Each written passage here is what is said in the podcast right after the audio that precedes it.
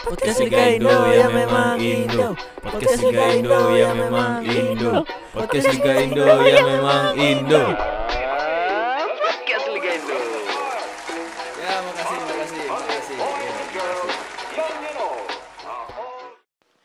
Halo semuanya, selamat siang, selamat pagi, selamat malam. Kalian lagi dengerin podcast Liga Indo di episode ke-9 kali ini. Masih bareng aku Rio. Dan kali ini kita akan bahas sebelum kita menyaksikan laga Indonesia melawan Thailand besok ya ke timnas. Kita komentari sedikit beberapa hal yang harus dikomentarin karena ini cukup mengganggu konsentrasi kita. Apalagi kalau bukan naturalisasi. Kalian kalian ada setuju pakai naturalisasi nggak sih? Beberapa kemarin banyak yang apa namanya eh protes. Ada yang kritik si Simon McManamy, beberapa ini ya pengamat sepak bola, beberapa mantan pemain itu bilang kalau di Indonesia rata-rata nggak ada yang jiwa Indonesia banget gitu. Kebanyakan naturalisasi. Pemain yang bener-bener darah Indonesia tidak dipakai. Katanya gitu. Kalau menurut kalian gimana? Kalau menurutku eh men kalau kalian kalau kalian tahu di luar negeri contoh aja sebut negara Eropa mana yang sepak bolanya maju banget. Inggris. Yang lain. Juara Piala Dunia tahun lalu. Prancis gimana tuh Prancis mana yang darah asli Prancis tidak keturunan sama sekali. Wow. Di bawah 50% men yang main. Gila. Semuanya beberapa mayoritas dari mereka bahkan keturunan dari benua lain. Wow, benua lain, gila. Di Indonesia juga, tapi nggak semuanya kan. Dan dan itu ber- masih bermain di Liga Indonesia beberapa. Jadi sah-sah aja. Kalau kalau aku ya naturalisasi melihat naturalisasi itu sah-sah aja karena nggak ada yang larang juga. Kalau misalnya kalian bilang nggak patriotis nih ya bodo amat kita kan kita tahu eh mayoritas rakyat Indonesia dan termasuk apa namanya eh, orang-orang penting di dalamnya di kancah sepak bola Indonesia mendambakan yang namanya instan. Ya kan? Kalau kalian mau instan ya naturalisasi. Apa ya? Eh, aku termasuk yang nggak setuju cara instan. Cara instan tuh cara pengecut. Eh, kita lihat aja Thailand. Thailand dengan kemajuan sepak bola yang sekarang itu tidak tidak langsung serta merta langsung langsung jago banget main bola enggak. Dia menciptakan sebuah sistem eh, liga di sepak bolanya. Mereka menciptakan eh, mengembangkan sepak bola di negaranya dengan sangat bagus seperti di mereka membangun eh, sport science di masing-masing klub klub. Di masing-masing klub ada pengembangan usia dini yang sangat bagus teknologi mutakhir di stadion-stadionnya sedangkan Indonesia belum. Dan kita sama-sama negara berkembang. Harusnya bisa harusnya bisa. Indonesia lebih kaya dari Thailand. Aku tahu itu Indonesia lebih banyak uang dari Thailand tapi yang bedain adalah Thailand uangnya benar-benar bermanfaat. Kalau di Indonesia uang yang ada di Indonesia itu tidak digunakan secara baik. Ya kita tahu sendiri. Apalagi kabarnya KPK mau dilemahin ya. Wah makin kacau nih sepak bola. Makin kacau Indonesia. Kalau kalian ada yang kepikiran ada kepikiran aku pindah pindah negara aja deh nggak ada salahnya kalau menurutku pindah negara pindah negara aja. Tapi kalian harus ingat kalian lahir di mana. Dan selama ini bapak ibu kalian itu cari uang di negara siapa. Kalian harus ingat aja mendidik kalian dengan uang mereka dengan keringat mereka itu di negara siapa negara Indonesia. Kalian harus ingat itu.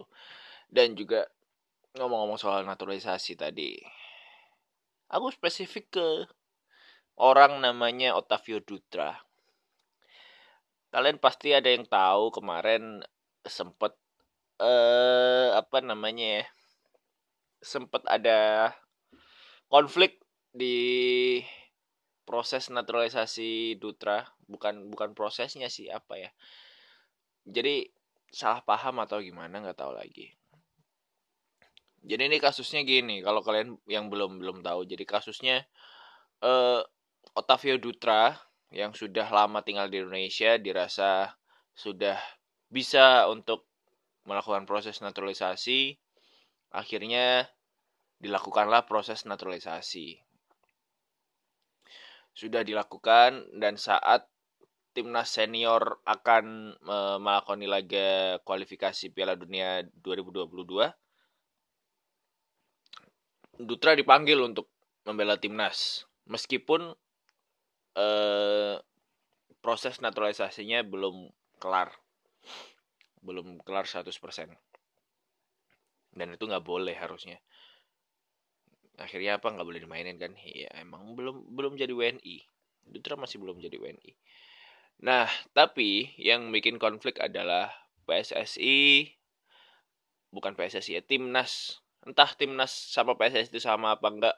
Yang tahu cuma pejabat-pejabat doang. Kita kita mah warga biasa nggak tahu ya. Cari tahu pun di internet susah sekali itu perbedaannya.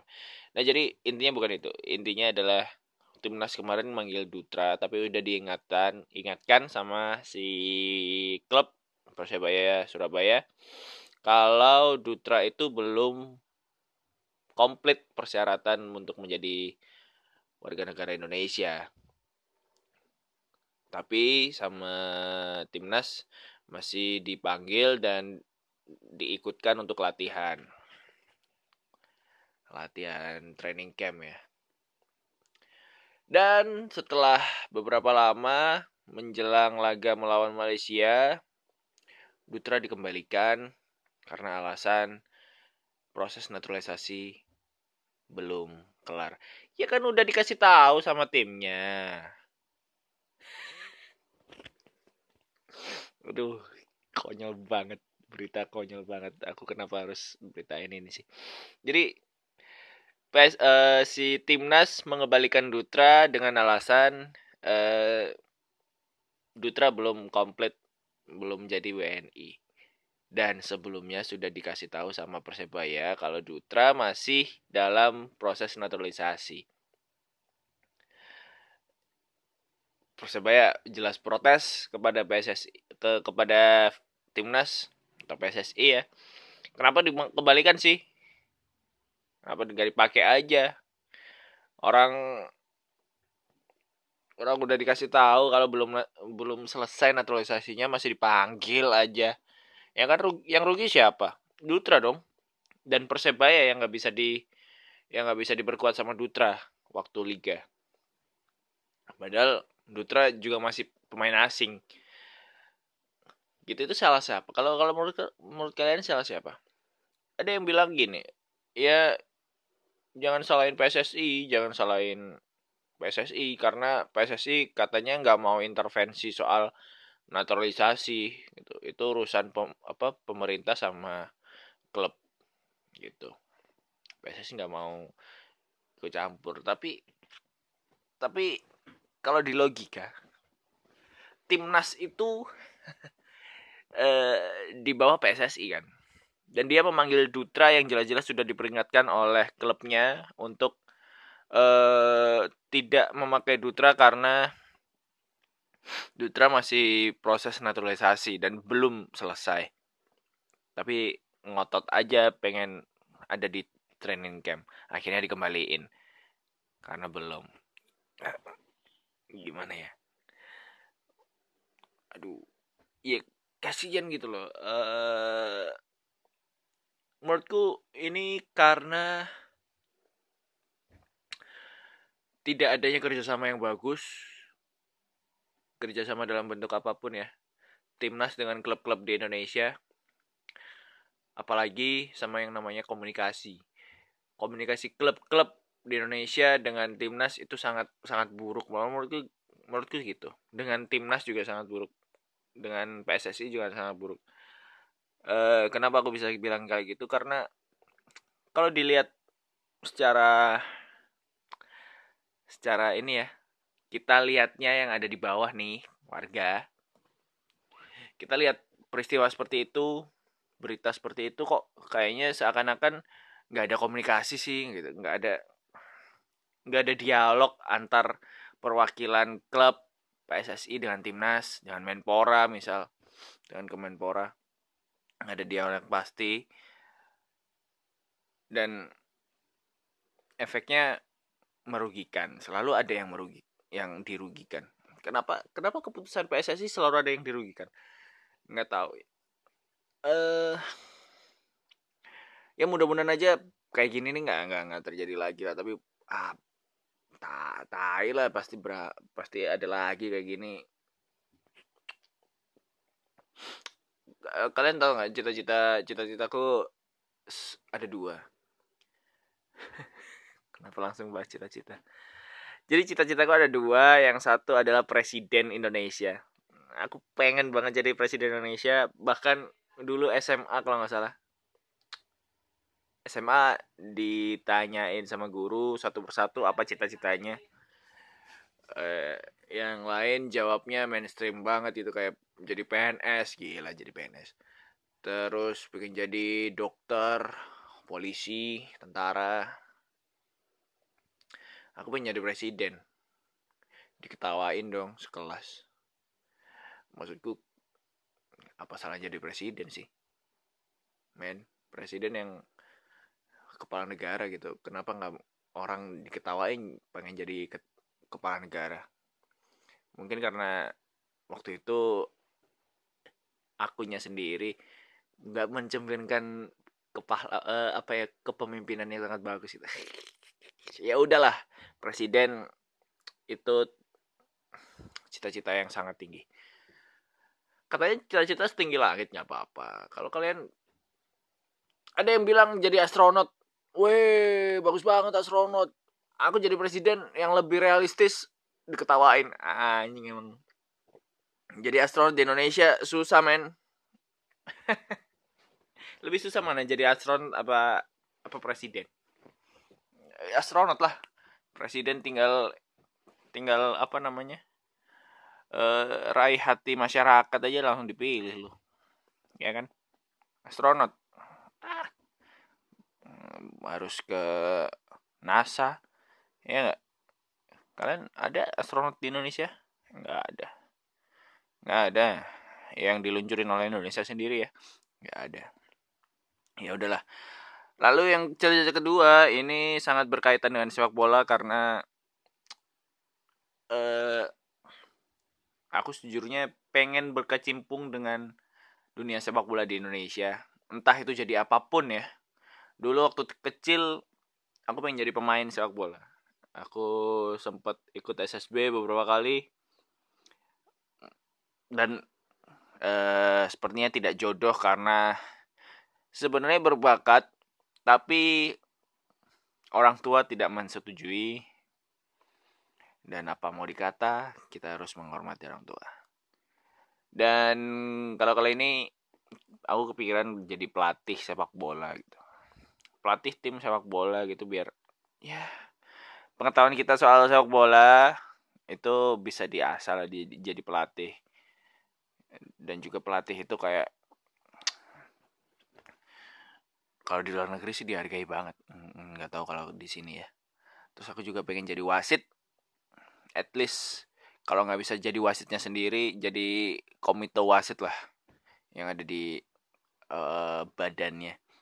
Aku pengen benerin peraturan yang ada di Indonesia peraturan pertandingan dan apa ya ketegasan wasit itu sangat di sangat dibutuhkan di Indonesia sekarang. Itu yang bikin Indonesia nggak maju-maju sepak bolanya ya salah satunya karena wasit. Dan yang paling mulia wah yang paling top itu adalah cita-citaku eh, menjadi ketua PSSI kenapa ketua PSSI kemarin Erick Thohir kalian tahu Erick Thohir? Ada kabarnya Erick Thohir nggak nggak mau jadi ketua PSSI gitu. Kalau cuma jadi apa namanya uh, investor oke okay, bersedia. Kalau misalnya jadi ketua PSSI mikir-mikir katanya ya kenapa ya? Jadi ada yang bilang ya susah lah Erick Thohir jadi jadi ketua PSSI Erick Thohir itu biasanya ngerombak ngerombak yang jelek-jelek itu dirombak sekal uh, semuanya. Orang-orang yang nggak sesuai dengan dia dirombak diganti yang sejalan sama dia. Ya kalau misalnya dia di PSSI ya PSSI kosong dong tidak ada siapa-siapa Erick Thohir harus, harus bikin bikin fondasi ulang gitu kalau misalnya dia jadi anggota PSSI nggak apa ketua PSSI ya karena semua orang-orang PSSI sekarang udah aduh ada yang nggak tahu sepak bola ada yang nggak tahu politik ada yang tahu politik bahkan dan itu diterapkan di PSSI wow gila. Ngapain PSSI hubungannya sama politik apa terus ada yang nggak tahu peraturan FIFA? Ada gila. Ada. Terus Erick Thohir mau pakai orang-orang gitu? Enggak kan? Nah cita-citaku. Aku pengen jadi ketua PSSI aku harus aku harus. Ketua PSSI itu kan harus ada dua nih faktor-faktor apa namanya faktor uh, utama dari kriteria untuk menjadi ketua PSSI yang pertama jujur jelas. Orang jujur itu susah sekali.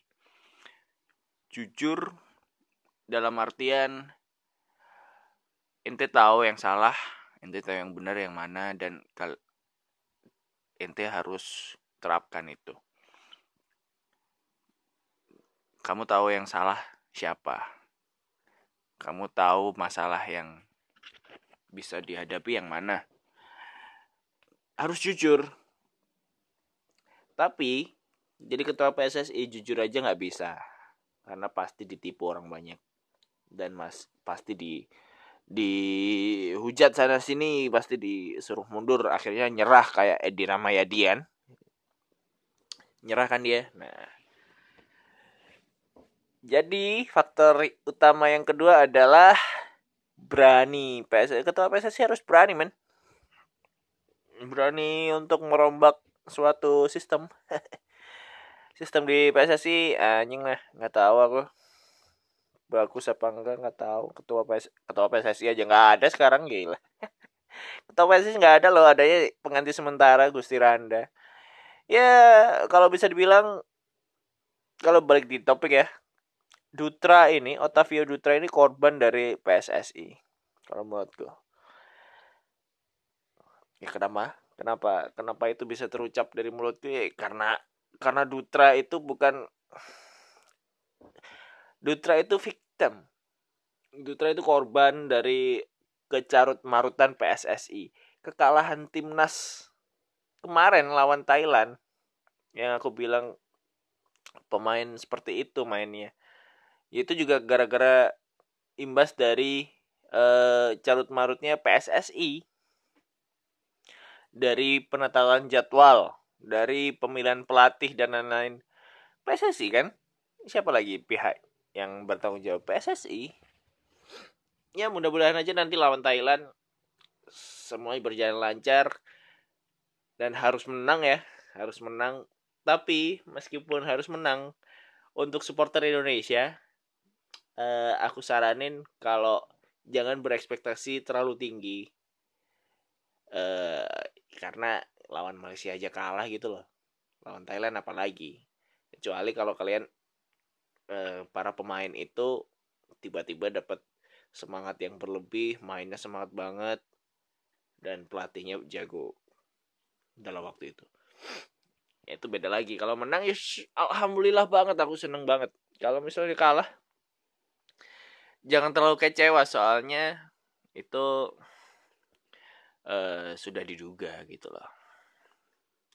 Dan kayaknya pertandingan tanggal 10 nanti lawan Thailand aku nggak bakal nonton deh di TV. Aku lihat berita aja berapa berapa skornya. Ya sesimpel itu alasannya.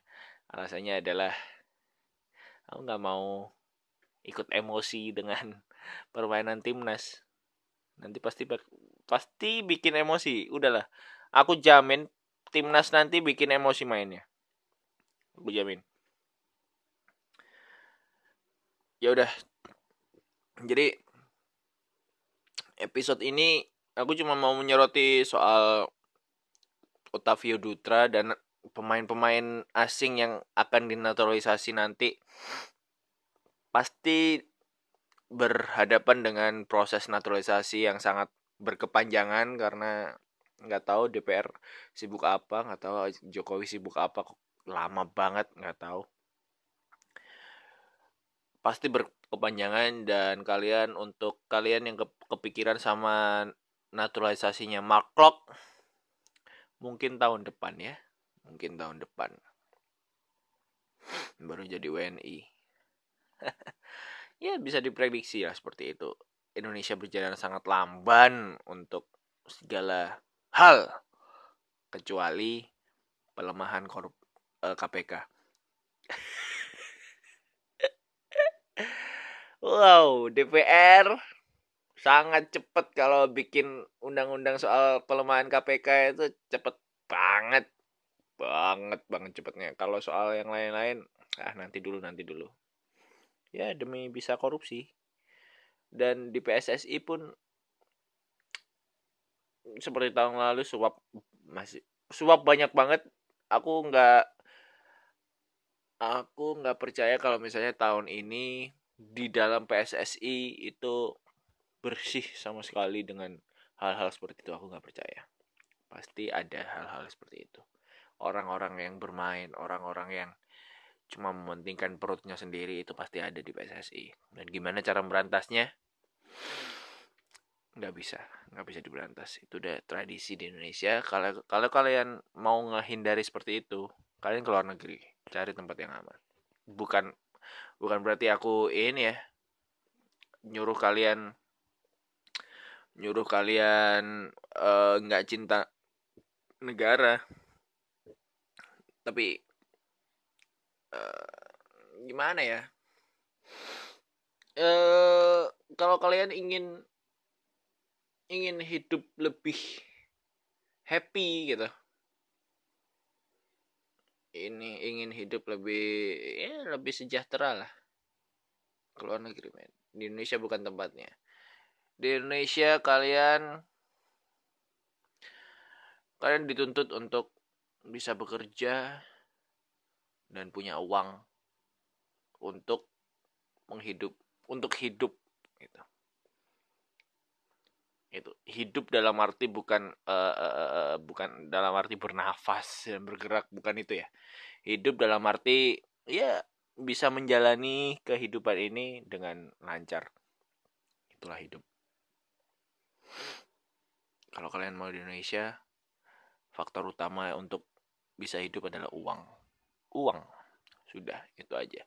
Kalau kalian nggak ada uang kalian nggak bisa hidup aku aku termasuk yang nggak setuju dengan itu tapi itulah realitas di Indonesia. Jadi podcast Liga Indo kali ini sampai sini aja. Uh, sampai ketemu di podcast Liga Indo episode ke 10 nanti kita bahas apa? Kita lihat nanti. Aku bakal umumin di umumin di Instagram. Dan lain-lainnya tetap pantengin di podcast Liga Indo. Yuhu.